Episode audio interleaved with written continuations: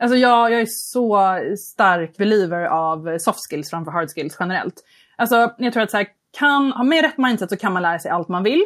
Och i en snabbrörlig värld där det kommer upp nya tekniker och nya sätt att arbeta varje vecka spelar det ingen roll. Det är väl kanske bra att du är lite tekniskt lagd, men utöver det så tycker jag att de enda skillsen som, som jag vet att jag värdesätter extremt mycket när jag till exempel rekryterar marknadsförare är ju att man ska vara förändringsbenägen, man ska vara anpassningsbar, man måste vara nyfiken, modig och sen till slut, jag tror att det är så the cherry on top är att man ska vara intresserad av beteenden och påverkade faktorer och, och psykologi.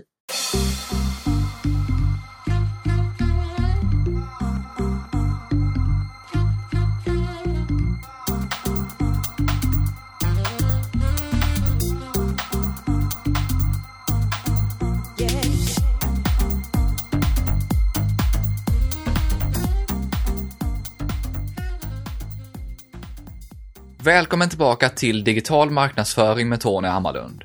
Det här är en podd där jag intervjuar branschexperter och marknadsförare för att lära mig mer om digital marknadsföring.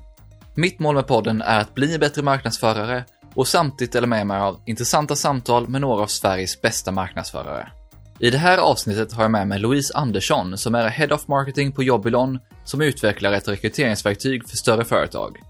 Louise har gjort en häftig karriärresa från säljjobb och marknadsföringsstudier till marketing internship i Bangkok och vidare till marknadschefsrollen på Jobilon. Louise och Jobilon ligger bland annat bakom den populära HR-vloggen HR Eats, ett initiativ som har varit väldigt lyckat och något du får höra mer om i avsnittet. Vi börjar med att prata om Louises karriärresa och hon berättar sedan om hennes roll på Jobilon och hur de har satsat på att bygga ett remote-team. Vi fortsätter sedan att prata om resan som Jobilon gjort med sin marknadsföring, hur de skapade HR Eats och hur det har varit för Louise att bli ansiktet utåt. Louise delar även med sig av det hon ser som nycklarna till att lyckas med business-to-business marknadsföring idag. Du får också höra om hur hon tänker kring att skapa talespersoner och thought leaders, hennes favoriter bland marknadsföringsverktyg och tjänster och vad hon anser krävs för att bli en duktig marknadsförare idag. Som vanligt hittar du länkar till de verktyg och andra resurser vi nämner i poddelägget på tonyhammarlund.io, så du behöver inte anteckna. Där hittar du även tidsstämplar till de olika sektionerna i intervjun samt en bonusresurs som handlar om rekryteringstrender och hur man bör tänka kring marknadsföring inom rekrytering. Jag är även stolt över att meddela att podden har ett samarbete med Dagens Analys som är en riktigt bra sajt för oss som arbetar med digital marknadsföring. Så kolla in den om du inte redan gjort det på dagensanalys.se. Nu kör vi igång avsnittet och Louise börjar med att berätta var hennes karriär som marknadsförare faktiskt började. Egentligen när jag började plugga. Så det är väl alldeles för länge sedan för att jag ska komma ihåg det här nu. Men, men jag började i alla fall plugga efter att ha, ha jobbat en hel del med, med sälj och fastnade för just beteendevetenskapen i själva säljet. Så då bestämde jag mig för att plugga marknadsföring. En internationell linje gick jag på Linnéuniversitetet om internationell marknadsföring. Och efter tre år där så tog jag min packsäck och tänkte nu kommer jag aldrig mer komma tillbaka till Sverige. Så jag drog till Bangkok för att köra ett internship i, i marketing där. Så att um, jag kom dit, var där i ett år. Eh, extremt hårt arbetsklimat, vilket jag är jätteglad över idag att jag tog mig igenom. Försökte lära mig så mycket som möjligt.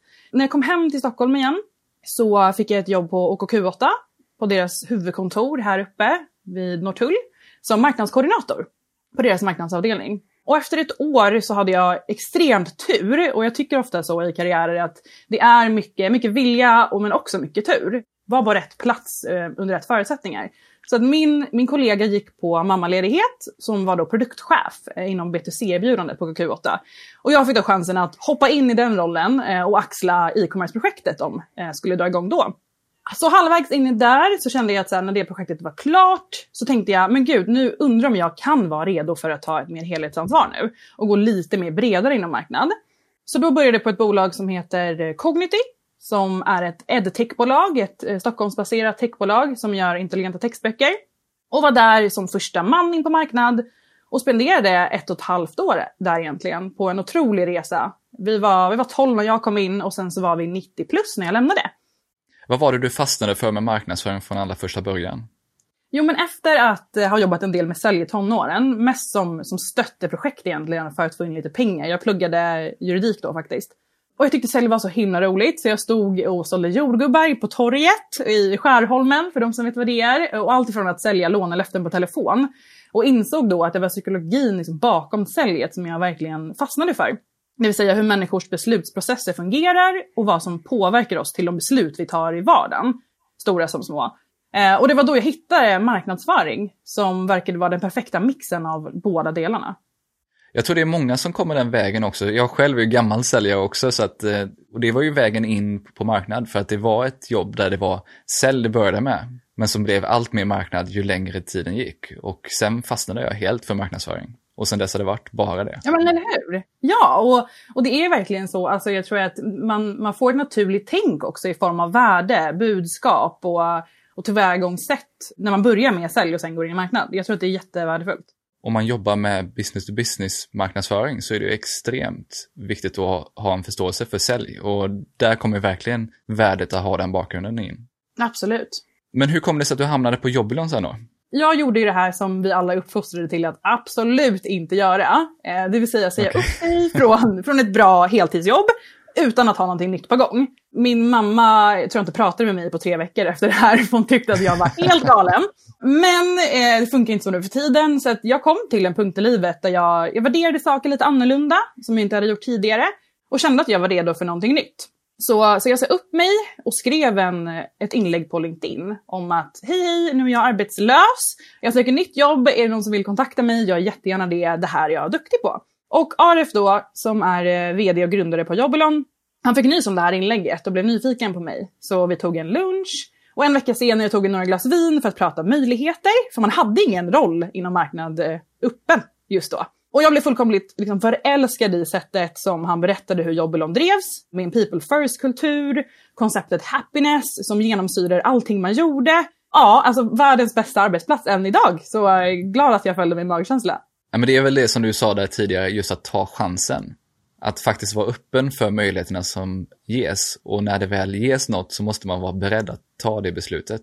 Men sen det är, här, det är vågat att göra den och säga upp sig först. Och sen se sig om efter möjligheter. Absolut, absolut. Det är klart att det är väldigt mycket tryggare att hitta något jobb innan. Men jag tror att ibland så måste man våga pusha sig själv utanför sin, sin comfort zone. Eh, för att man ska kunna också vinna. Alltså våga för att vinna. Hur ser din roll på Jobbilon ut idag? Som Head of Marketing stod det på LinkedIn att du är. Ja, exakt. Eh, så jag ansvarar för all marknad, kommunikation och PR här på Jobbilon. Eh, och vi är fortfarande i tillväxtfas, vilket innebär att min roll är både väldigt hands-on, kavla upp armarna varje dag, men även väldigt strategisk på samma gång. Så att jag gör allt och inget, kan man säga, inom marknad. Vad är dina största utmaningar som marknadschef på ett sånt växande företag som du är på idag? Nej, men först och främst så skulle jag väl säga att det är att skala de idéerna du har och göra dem till någonting, det vill säga paketeringen av dem. Så ta en idé, och paketera det till någonting som faktiskt blir ett koncept. Det är en utmaning. Det är också en utmaning för att man vill göra, det är så mycket man vill göra. Så att, att, kombinera långsiktiga och kortsiktiga initiativ i en bra symbios, det är också en utmaning som, som vi pratar om varje dag. Alltså prioritering av de två delarna liksom, av, av saker vi gör. Sen är vi ett internationellt team också, så att en utmaning som jag absolut står inför det är att, så här, att leda ett team i olika tidszoner, från olika länder, olika kulturer och få dem att känna sig inkluderade men också motiverade. För att, alltså, utan ett bra team så kommer man ju ingen vart, så att mycket fokus eh, ligger där. Team är ju någonting som jag alltid är intresserad av för att jag sitter själv nu på ett bolag där vi växer väldigt snabbt och bygger vårt marknadsteam. Så hur ser det teamet ut som du har idag och hur har ni byggt det? Jo, men alltså, vi är en intressant konstellation faktiskt i, i vårt marknadsteam här.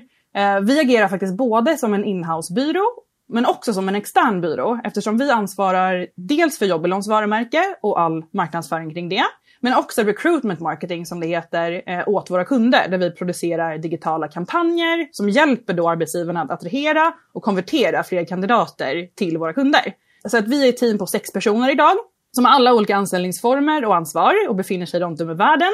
Så vi har en content producer, vi har en social media specialist, vi har en social media-koordinator som koordinerar projekten kring sociala medier och content. Vi har också en grafisk designer som hjälper till att ta allt vår content och höja det designmässigt och visuellt till en helt ny nivå som passar vår visuella identitet.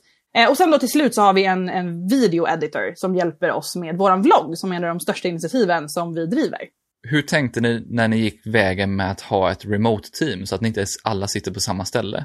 Jag tror att det det handlar om är att egentligen vända lite på den frågan och säga så här, hur tänker våra medarbetare att deras bästa arbetsdag skulle kunna se ut? Vad innebär det för dem och vart är de och vad gör de?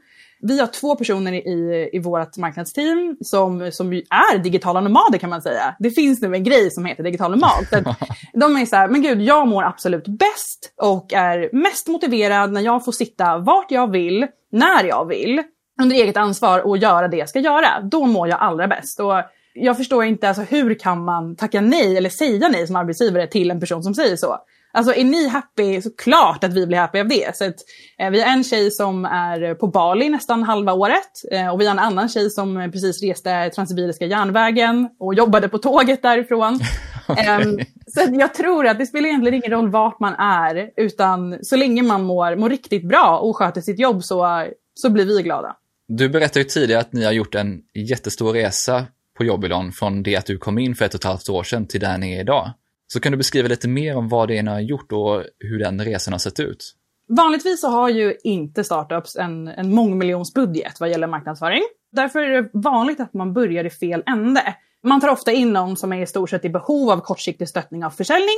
Risken då är att det är ganska lätt att skada varumärket på så sätt att marknaden kanske inte är mogen för en push-strategi av dina produkter. Men vi valde att börja i andra änden Eh, vilket också kräver ett enormt, eh, en enorm tillit från ledningen till, till den nya marknadspersonen som kommer in. Och en förståelse för att det är långsiktigheten som, som kommer gynna en i längden. Så att vi började med en pullstrategi. Så att det första vi gjorde var att sätta identitet och varumärkesprofil först. Och jag hörde faktiskt en ganska bra liknelse från, från en vän till mig som jobbar i byråvärlden som sa att så här, när du går på en Tinder-dejt, hur kär du än blir på den här första dejten så är det klart att du inte friar. Även fast du kanske känner att mm, det här kan vara min framtida partner. Men du måste ju få den här personen att lära känna dig först, så att den kan bli trygg och såklart då till slut bli kär innan personen kommer att svara ja för att binda upp sig på papper. Och jag tycker att det är exakt likadant inom eh, business to business marknadsföring. Och jag menar en, en kund och leverantörsrelation i, i våran sfär är ju också på många sätt en personlig interaktion. Alltså det är människor som sitter på andra sidan som behöver tillit på oss, som behöver känna sig trygga med att få in, intern buy-in och för att kunna ta sina beslut. Så det spelar ingen roll hur många gånger man står och skriker, eh, oavsett om det är via digitala medier eller om det är på ett event eller så, att du skriker “Hallå, det här gör vi, så här bra är vi”. För att alltså, let's face it, det är ingen som bryr sig innan man vinner deras förtroende.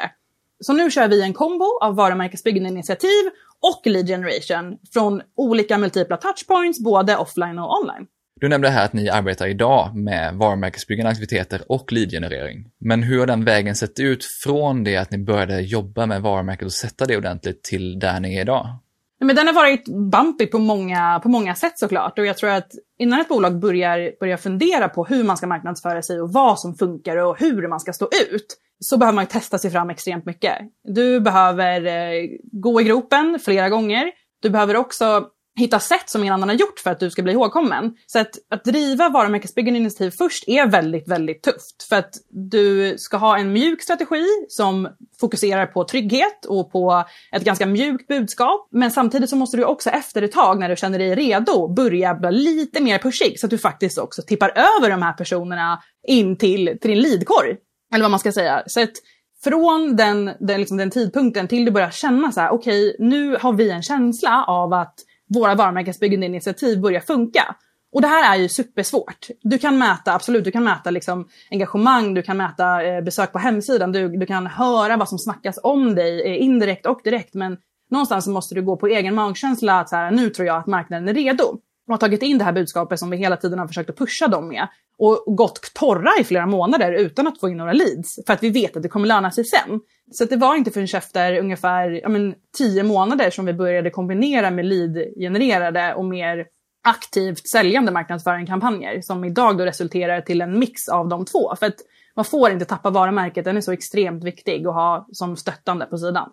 Jag kom i kontakt med er på Jobbilon och dig också genom ett av dina inlägg om er HR-vlogg HR Eats. Så hur kom det sig att ni startade det initiativet? För jag har förstått att det har ju varit väldigt lyckosamt för er, men hur kom det sig att ni startade det och vad det faktiskt betytt för er och er marknadsföring? Ja, men det är en ganska rolig story faktiskt. Och, och många tror med den här typen av initiativ att man syns och hörs mycket. Så när folk frågar mig så är de så här, men gud det här är en klockren idé, hur kom du på det här? Och självklart så är det ingenting som jag vaknade upp med en epiphany efter en morgon och bara, men gud det är det här vi ska göra. Utan det var ett år sedan som vi bestämde oss för att lansera ett kunskapsnätverk i form av en rad events inom HR. Och premiären skulle ske i februari förra året. Och eh, passande nog så blev jag matförgiftad några dagar innan eventet och det här vet ingen så nu får ni, får ni reda på det som, som var där också, förlåt för det. Och vi hade då Henrik Dider på plats som var keynote och som var dåvarande HR-direktör hos en kund till oss, Scandic Hotels. Och planen var att jag skulle intervjua honom efter eventet. Men, men vid den här tidpunkten så hade jag typ lika mycket energi som ett ruttet löv. Så jag frågade honom så här, kan inte vi gå ut i parken istället och spela in en video med dig? För att det är ju dig man har kommit dit för att se och det är mycket bättre med video än att bara läsa en text. Och som tur då så var Henrik på det här. Och när vi släppte videon dagen efter så blev vi bombade av kommentarer som så här, åh när kommer nästa avsnitt och vem ska ni träffa sen? Och jag tänkte alltså efter en hel natts övervägande om möjligheten att jag skulle kunna bota min kameraskräck skulle kunna gå. Eh, och tänkte så här, men gud, är det det här som våra målgrupp vill ha så är det klart de ska få det. Så att vi pilotade några paketerade avsnitt eh, under våren för att säkerställa resursintaget för initiativet. Och nu har vi spelat in över 40 avsnitt eh, som vi släpper en gång i veckan. Alltså det är riktigt häftigt att höra att 40 avsnitt, det är, det är mycket tid som går ner i 40 avsnitt kan jag tänka mig och redigera där så mycket video. Ja men verkligen. Jag tror jag har blivit professionell vloggare istället för marknadschef. Det, det, är ett, ett fulltidsjobb eller ett heltidsjobb men, eh, men det är så himla värt det. det. Det är fantastiskt roligt också. Och det är också väldigt kul att se, alltså all, all liksom svett och, och tårar nästan man har lagt ner i det här och rest liksom landet runt, till och med till Norge för att spela in avsnitt med olika bolag. Att idag kunna stå ett år senare och, och se att det är Sveriges största HR-vlogg. För just vloggandet inom B2B finns ju inte. Och framförallt inte inom HR. Så att, eh, det var riktigt kul att vi vågade köra på vad vi såg att marknaden faktiskt ville ha. Men om du skulle beskriva vad HR Eats är för någon som inte har sett de här videorna, vad, hur skulle du beskriva det? Jo men HR är en, eh, en vloggserie som är då agerar som en, som en digital plattform för kunskapsutbyte. Jag åker ut till olika bolag med fokus på större, lite mer välkända varumärken och träffar deras HR-chefer eller HR-direktörer. Och avsnitten då som släpps en gång i veckan är 5-6 minuter långa och är väldigt konkreta och handlar om att dela med sig av någonting som man jobbar på. Och det får absolut inte vara en skrythistoria, för det tror inte jag på. Utan det ska vara med hjärta, det ska vara äkta och det ska vara konkret. Så att i HRIs vloggserie så får man alltså komma in bakom kulisserna på hur Sveriges största bolag jobbar med HR-frågor. Och vad har responsen varit från kunderna? Du sa det här första videon att det var många som bombade med kommentarer. Hur har responsen varit efter det? Nej men helt, helt underbar, verkligen. Alltså jag är, det är otroligt tacksamt att jobba också med, eh, med HR. Det är, eh, det är otroligt liksom givmildhet. Folk vill dela med sig, folk vill inspirera. Folk är inte rädda för att vara sårbara och jag tror att det är också en framgångsfaktor i det här konceptet och att det just är inom HR tror jag. För det här är ju människor som har valt yrken för att så här, hjälpa, hjälpa andra människor att bli bättre responsen har varit helt fantastisk, både från, från medverkande och från de som tittar. Folk engagerar sig väldigt mycket, jag får extremt mycket tips om personer som vill vara med eller, ehm, eller så. Så det är extremt bra. Jätteroligt verkligen. Vilken roll fyller då de här videorna i er marknadsföring? extremt stor roll. Alltså jag skulle vilja säga att den absolut största bidragande faktor till att vi har lyckats stärka vårt varumärke som vi har. Jag tycker någonstans att varumärkesbyggande handlar om att um, skapa en effekt hos den som tittar. Det vill säga vi vill skapa en mental effekt hos den som, den som interagerar med vårt content. Och på det här sättet, i, det här, i den här konstellationen och i formatet, så bygger vi en effekt av att vi sammankopplas med större bolag. Och det är hela liksom, eh, receptet bakom den här. Så det har en jättestor påverkan till de typerna av bolagen som reachar ut till oss, de typerna av bolagen som, som vi jobbar med och som vi långsiktigt ser oss eh, arbeta tillsammans med. Så det är väldigt alignat med där vi är, men också dit vi vill. Så att, det absolut största varumärkesinitiativ eh, vi har. Utöver den här videovloggen som ni har, vad gör ni utöver det när det kommer till digital marknadsföring? Men vi är ju ett HR-techbolag och hjälper då arbetsgivarna att attrahera, konvertera och hantera nya medarbetare. Så att vi har också då valt naturligt att lägga mycket fokus på att själva vara förebilder och experter inom då till exempel employer branding, och att man ska behandla sina drömkandidater med lika mycket kärlek och omsorg som vi behandlar våra potentiella kunder. Så vi producerar därför mycket innehåll i form av guider, checklists, e-böcker, white papers där vi delar med oss av den här kunskapen då för att inspirera arbetsgivare hur de lyckas och vad man kan göra för att attrahera just rätt talang till ditt bolag. Och så det här marknadsför vi sen, bland annat i sociala medier för att få in potentiella leads, i vår så kallade nurturing-slinga som vi använder ett marketing automation-system till. Och som då i sin tur lite längre ner i den traditionella tratten då ska leda till ett MQL, eller ett marketing qualified lead. Det vill säga ett lead som vi tycker att vi har värmt upp nog för att sen leverera till sälj. Att vi har sett köpsignaler helt enkelt och intresse. Men då har ni en massa olika typer av content och ni har då den här HR-vloggen. Hur matchar de här ihop i den här kundresan och den här nurturing-slingan som ni pratar om? Jo, men så som vi har valt att lägga upp det är att vi har identifierat att våra kunder har fyra stycken olika problem. Eh, och baserat på de här problemen, man kan också kalla det för intressen, Eh, de går ofta hand i hand när det gäller arbetsplats, liksom, så har vi bestämt att i början av den här tratten, det vill säga det mer publika contentet som vi publicerar, som också är lite mer generellt inom ett specifikt område inom HR, när vi då har fått in ett lead, eller man har laddat ner då till exempel en e-bok som handlar om trender inom HR 2020. Så följer vi upp då med det här leadet och säger hej, tack snälla för det här. Vad är det som utmanar dig i vardagen av de här fyra alternativen? Vad skulle vi, du vilja att vi skapar för värde för dig i form av content? Nu eftersom du subscribar eller följer våran blogg eller våran slinga. Och det är på så sätt då vi vet exakt och kan jobba insiktsdrivet. Så här, vilka problem och vilka utmaningar har vår kundgrupp? Vad behöver vi fokusera mer på? Och sen så då hamnar man i en specifik personaliserad liten slinga i vårt nurturing-program där vi då skickar relevant content inom den specifika utmaningen som varje kund har. Ja, det här är ju riktigt intressant att höra liksom hur ni tänker för att man verkligen skapar de här olika buckets med olika typer av kunder som befinner sig och har olika problem helt enkelt. Nej men verkligen. Är HR-vloggen, är det vägen in för många eller är det en rent varumärkesbyggande aktivitet ni gör? Ett år senare så har den absolut blivit en bidragande faktor till våran, våran lead och för att få in nya kunder. Och framför allt då, en del som jag tycker är värt att nämna i det här, det, det handlar också om att bygga, eller att skapa interna ambassadörer för ditt varumärke. Som i det här fallet jag har blivit. Så det är ju på något sätt mig man också köper när man träffar mig eller när man tycker att det här man kollar på vloggen och känner okej, okay, det här känns som ett bolag som jag skulle vilja jobba med på ett eller annat sätt. Så det har absolut nu ett år senare bidragit till att vi har fått en hel del leads baserat på, på vloggen, men också att vi har med mer riktade insatser också tagit kontakt med, med bolag och skapat en relation redan där. Så det har absolut genererat leads på det sättet också. Annars så, så kommer de in specifikt för de initiativen som vi gör i ren liksom, skriftform. Det är där vi får in leadsen utan att vi behöver be om det på samma sätt som det kanske är då när vi har kontakt med någon som har varit med eller har några frågor kring bloggen. Det var också en fråga det här kring att skapa thought leaders eller talespersoner. För det är någonting som pratas väldigt mycket om, men just hur man faktiskt tänker strategiskt på ett bolag. Vem som ska vara talesperson och vem man ska bygga upp och hur många eller ska man fokusera på en person och så vidare. Hur tänkte ni när det gäller att göra dig då till en talesperson för er på Jobbelon? Det blev ju egentligen det naturliga valet. Alltså, jag, jag, tror att jobbar du med sälj eller marknad så är du en utåtriktad person. Som i många fall också då, även fast kanske inte jag gjorde det just då, men gillar att stå i rampljuset och tycker att det är väldigt roligt. Eh, och sånt lyser ju igenom i kameran. Alltså, du, du känner av energier, du känner av passionen för det, för det du gör. Så att jag tror att gällande att hitta ambassadörer som du ska framhäva i form av eh, ljud eller bild så skulle jag absolut rekommendera att först tänka ut så här, äh, vilka personligheter gör det här på bästa sätt som faktiskt tycker att det är roligast också. Eh, inte bara för att du har en specifik roll, för det är, så här, det är ingen som bryr sig vilken titel du har eller vad du jobbar med. Det kan till och med vara en person på tech.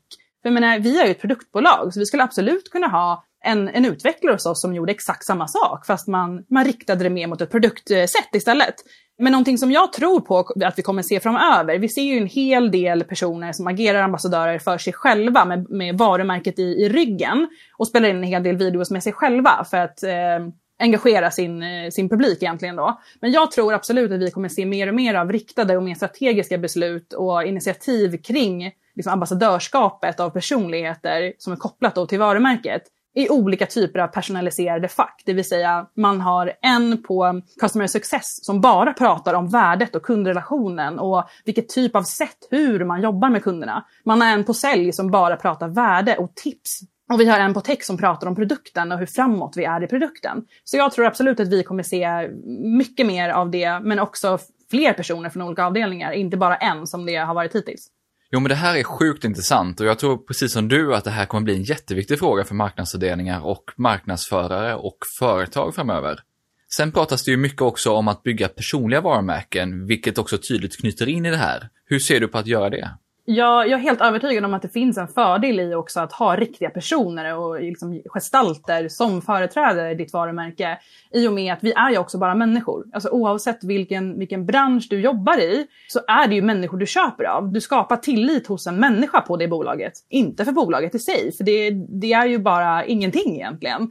Jag tror absolut på det och det vet vi själva. Alltså, vi har alla någon gång träffat en person, till exempel i, i jobbsammanhang eller privat på en fest, som är inte supertrevlig kanske, som säger så här, jag jobbar på det här bolaget. Aha, okej, okay. jag får direkt en så här, det, ska jag in, eller det här bolaget vill jag inte jobba med. För det är sjukt hur vi funkar. Så att jag, jag tror att det är också en bidragande faktor till att det är så viktigt att också framhäva de personerna som faktiskt brinner för det och som skapar en, en, en bra förutsättning och en bra matchning till hur det faktiskt är att jobba på bolaget. Eller att interagera med bolaget.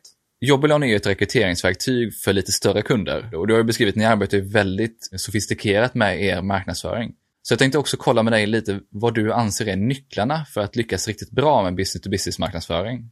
Men det första jag skulle vilja highlighta egentligen är att arbeta account-based. Och i det här arbetet alltid tänka omni-channel och parallella touchpoints. Eh, både med värde och med budskap som är personaliserade för varje potentiell kund och vara konsistent. För du kommer inte få någon effekt första gången du gör det. Inte andra gången heller, kanske tredje gången och så vidare. Så att så här, ha tålamod och jobba account-based och se till att du får in ditt budskap på olika plattformar, både digitalt och eh, offline. Nummer två skulle jag vilja säga också som ett livsmotto, alltså gör det inte så svårt för sig själv. Utan producera riktigt bra content och använd det på flera olika sätt. Olika kanaler, olika konstellationer och olika format. Nummer tre skulle jag vilja säga att arbeta insiktsdrivet, men med mycket hjärta och mycket autenticitet. För det handlar om att sätta rätt förväntningar för hur man kommunicerar och hur det är att jobba mer som bolag på riktigt. Eh, och jag tror att det, det är den perfekta kombinationen för att vinna kundernas hjärtan och för att få dem att stanna. Sen skulle jag också vilja lägga till det här som vi pratade om innan, att man behöver ha extremt mycket uthållighet och tålamod och vara kontinuerlig och konsistent för att lyckas inom B2B-marknadsföring eftersom processerna både är längre och mer beaktande än i B2C-världen. För att arbeta med digital marknadsföring idag så krävs det en hel del verktyg och tjänster och det är ett område som också växer varje år. Det var någonting jag tog upp senast med Pontus Danstrup som är väldigt inne på det här med Martech. Så vad använder ni när det kommer till Martech i ert marknadsarbete? Förutom de traditionella verktygen, det vill säga Ads Manager, vi har Analytics och vi har liksom vår blogg i Wordpress och alla plugins som det gäller där som också underlättar vårt, vårt dagliga insiktsarbete. Så först och främst har vi Asana, eh, vilket jag varmt rekommenderar. Det är eh, en mjukvara för projektledning som också hjälper produktiviteten. Och det använder vi i, i all typ av, alla typer av marknadsrelaterade projekt, men också av beställningar av de här recruitment marketing-kampanjerna som vi får in då från kundsida. Så det arbetar vi dagligen. Det andra är ju Active Campaign. Det är min darling. Som är då ett marketing automation-verktyg. Alltså som underlättar så sjukt mycket för eh, automatisering av content och eh, möjliggör vår lead nurturing på ett väldigt bra sätt. Sen till slut, och det är väl inte ett system egentligen, men, men jag är en otrolig förespråkare för Upwork. Och för de som inte har hört talas om Upwork så är det en riktigt bra sida för att hitta supporterande tjänster från frilansare som man behöver ha som specialstöd i olika marknadsprojekt. Via till exempel en hel del personer som stöttar oss där vi inte har kompetensen själva. Till exempel, vi är inte native speaking eh, engelsktalande någon av oss. Vi kan det väldigt bra. Så där har vi till exempel en person som sitter och eh, översätter och eh, hjälper oss med all typ av grammatik. Så ett väldigt bra tips för de som behöver olika typer av stödtjänster. Ja, men det är häftigt. Det har ju ploppat upp några till och med här i Sverige nu för att eh, Upwork och eh, Freelance och så vidare, det finns ett gäng med olika typer av sajter på den internationella marknaden. Men nu har det även kommit några här i Sverige så att det finns ju Gigway och så finns det ett här i Göteborg som heter Simple. Så det börjar komma även, även här i Sverige på den nordiska marknaden, den typen av eh, plattformar eller marknadsplatser. Ja men exakt och det är ju också för att arbetsmarknaden går ju åt det hållet och det är ju en anpassning till den typen av arbetsform som vi trivs i att ha. Och precis det som jag var inne på innan, att vi har digitala nomader som jobbar hos oss. Alltså giggandet är ju framtiden. Vi, vi vill ha karriär, vi vill också ha barn, vi vill också resa. Jag kanske är en nattperson, jag vill bara jobba på kvällen. Så jag, jag, tror verkligen att det här är framtiden och det kommer att ställa krav på ledare generellt och på organisationer för att anpassa sig och se till att man optimerar och förändrar och anpassar sin arbetsplats till den typen av villkor. Du sa att du gillade Active Campaign och att det var din älskling någonstans. Hur kommer det sig att ni valde just Active Campaign? För det finns ju en, ett enormt utbud av marketing automation-lösningar. Varför föll valet på dem? Återigen det här med, eh, med personlig koppling. Vi var på Saster förra året. Nej men verkligen, det är så. Alltså jag, jag, jag gör allt med hjärtat. Bra eller dåligt, det kan man också argumentera för. Och eh, träffade teamet på Active Campaign eh, där och blev helt kär. Jag tycker att det är intuitivt, det är absolut i den bästa prisklassen och eh, funkar klockrent. Väldigt bra support också. Ja, men vi ser till att länka upp de här verktygen i poddinlägget så kan andra kolla in det här också. För jag, jag har tittat själv på Active Campaign. Idag kör jag för mitt eget personliga så kör jag ConvertKit. Men det är egentligen för att jag inte är så sofistikerad än med marketing automation. Nej, exakt. Det tekniska kunnandet är ju jätteviktigt idag som marknadsförare. Men vad skulle du säga, vad krävs för att bli riktigt duktig som marknadsförare idag utöver just det här tekniska kunnandet? Oh, alltså allt är mindset-relaterat. Alltså jag, jag är så stark believer av soft skills framför hard skills generellt. Alltså jag tror att så här, kan, ha med rätt mindset så kan man lära sig allt man vill. Och i en snabb rörlig värld där det kommer upp nya tekniker och nya sätt att arbeta varje vecka spelar det ingen roll. Det är väl kanske bra att du är lite tekniskt lagd men utöver det så tycker jag att de enda skillsen som, som jag vet att jag värdesätter extremt mycket när jag till exempel rekryterar marknadsförare är ju att man ska vara förändringsbenägen, man ska vara anpassningsbar, man måste vara nyfiken, modig och sen till slut, jag tror att det är så the cherry on top är att man ska vara intresserad av beteenden och påverkade faktorer och, och psykologi. Men om man bortser för de här mjuka skillserna, vad skulle du annars säga är för typ av kunskapsområden eller skills som man behöver? Jo, men pratar vi lite mer hårdare skills så skulle jag säga att kompetens inom lead optimization, sociala medier, copywriting och marketing automation är eh, sjukt värdefulla. Och det tror jag att de flesta marknadsavdelningar eh, skulle hålla med om faktiskt. Jag tror att har man det skillsetet hos sig så kommer man eh, komma riktigt långt. Du var inne lite på vad du tittar på när du rekryterar. Är det någonting annat som du tittar på just för att se vem som passar på Jobbilon? Personlighet såklart. Vi är ett gäng som är extremt olika varandra och vi pratar faktiskt om det dagligen. Att så här, gud har vi haft så tur med personer vi har rekryterat hit. och vi har bara liksom gått på magkänslan någonstans och inte, och inte tänkt efter på så här, vilken typ av personlighetstyp behöver vi ha. För att vi vill ju inte heller sitta med ett gäng som är exakt likadana. Så jag tror att det, det viktigaste och det som vi liksom kollar efter för att den personen också ska tycka att det är roligt att jobba hos oss. För det är minst lika viktigt än vad vi tycker om den personen. Så tror jag att man behöver ha liksom ett stort hjärta. Eh, man behöver ha respekt för andra personer. Och man behöver tycka att det är kul att utvecklas. Både individuellt men också i team. För att vi jobbar mycket för att ha en feedbackorienterad kultur. Så att vilja växa inom det tror jag är en väldigt bra grej om man ska trivas hos oss. Jag tycker alltid att det är lika intressant att höra hur andra tänker när de rekryterar, för att det är alltid lite olika hur man ser vilka saker man värdesätter, både när det gäller de hårda skillserna och det mjuka. Men om du skulle säga för att lära sig att bli en bättre marknadsförare, hur skulle du säga att man gör det på allra bästa sätt? Om man kanske då fokuserar på de lite mer hårda skillsen.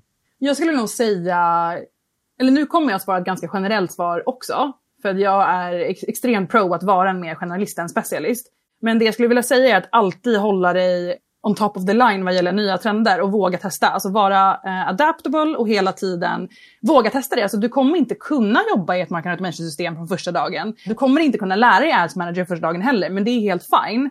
Hur skulle du säga att man då bäst utvecklar de soft skills och hard skills som man behöver för att bli en riktigt duktig marknadsförare idag?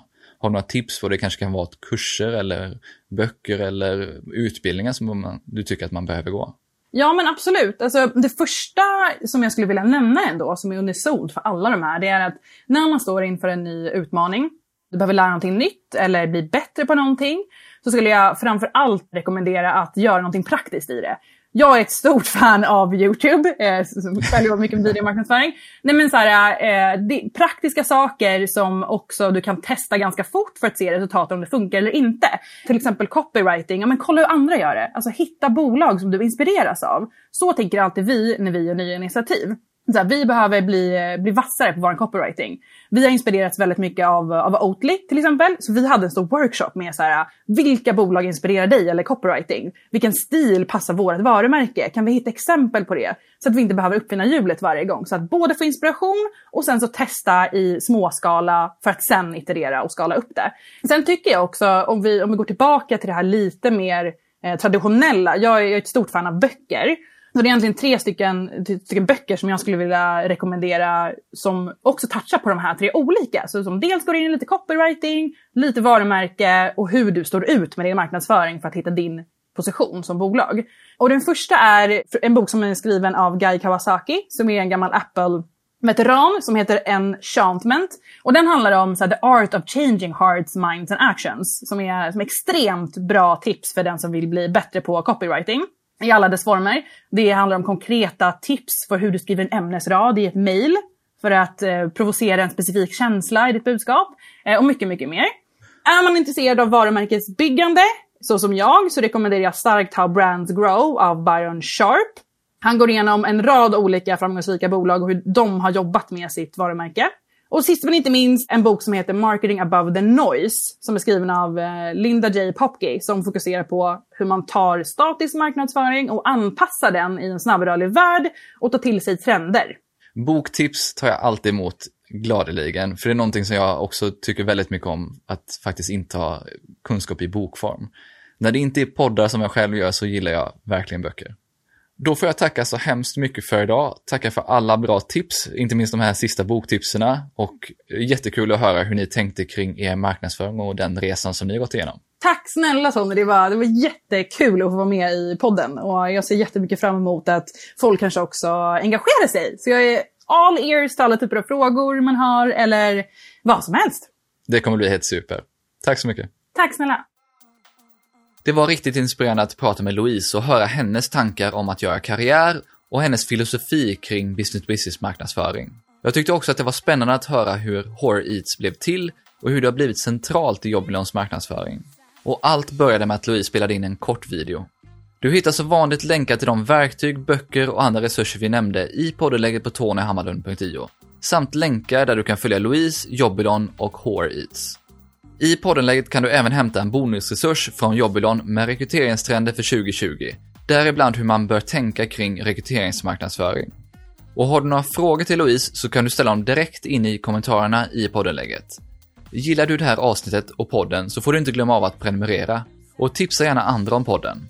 Passa också gärna på att skicka en kontaktförfrågan till mig på LinkedIn så kan vi prata mer om digital marknadsföring där. Avslutningsvis vill jag passa på att tacka Mikael på Newbreeze Music som hjälper till att producera den här podden och stå för musiken. Vi hörs snart igen med fler intressanta gäster och ämnen.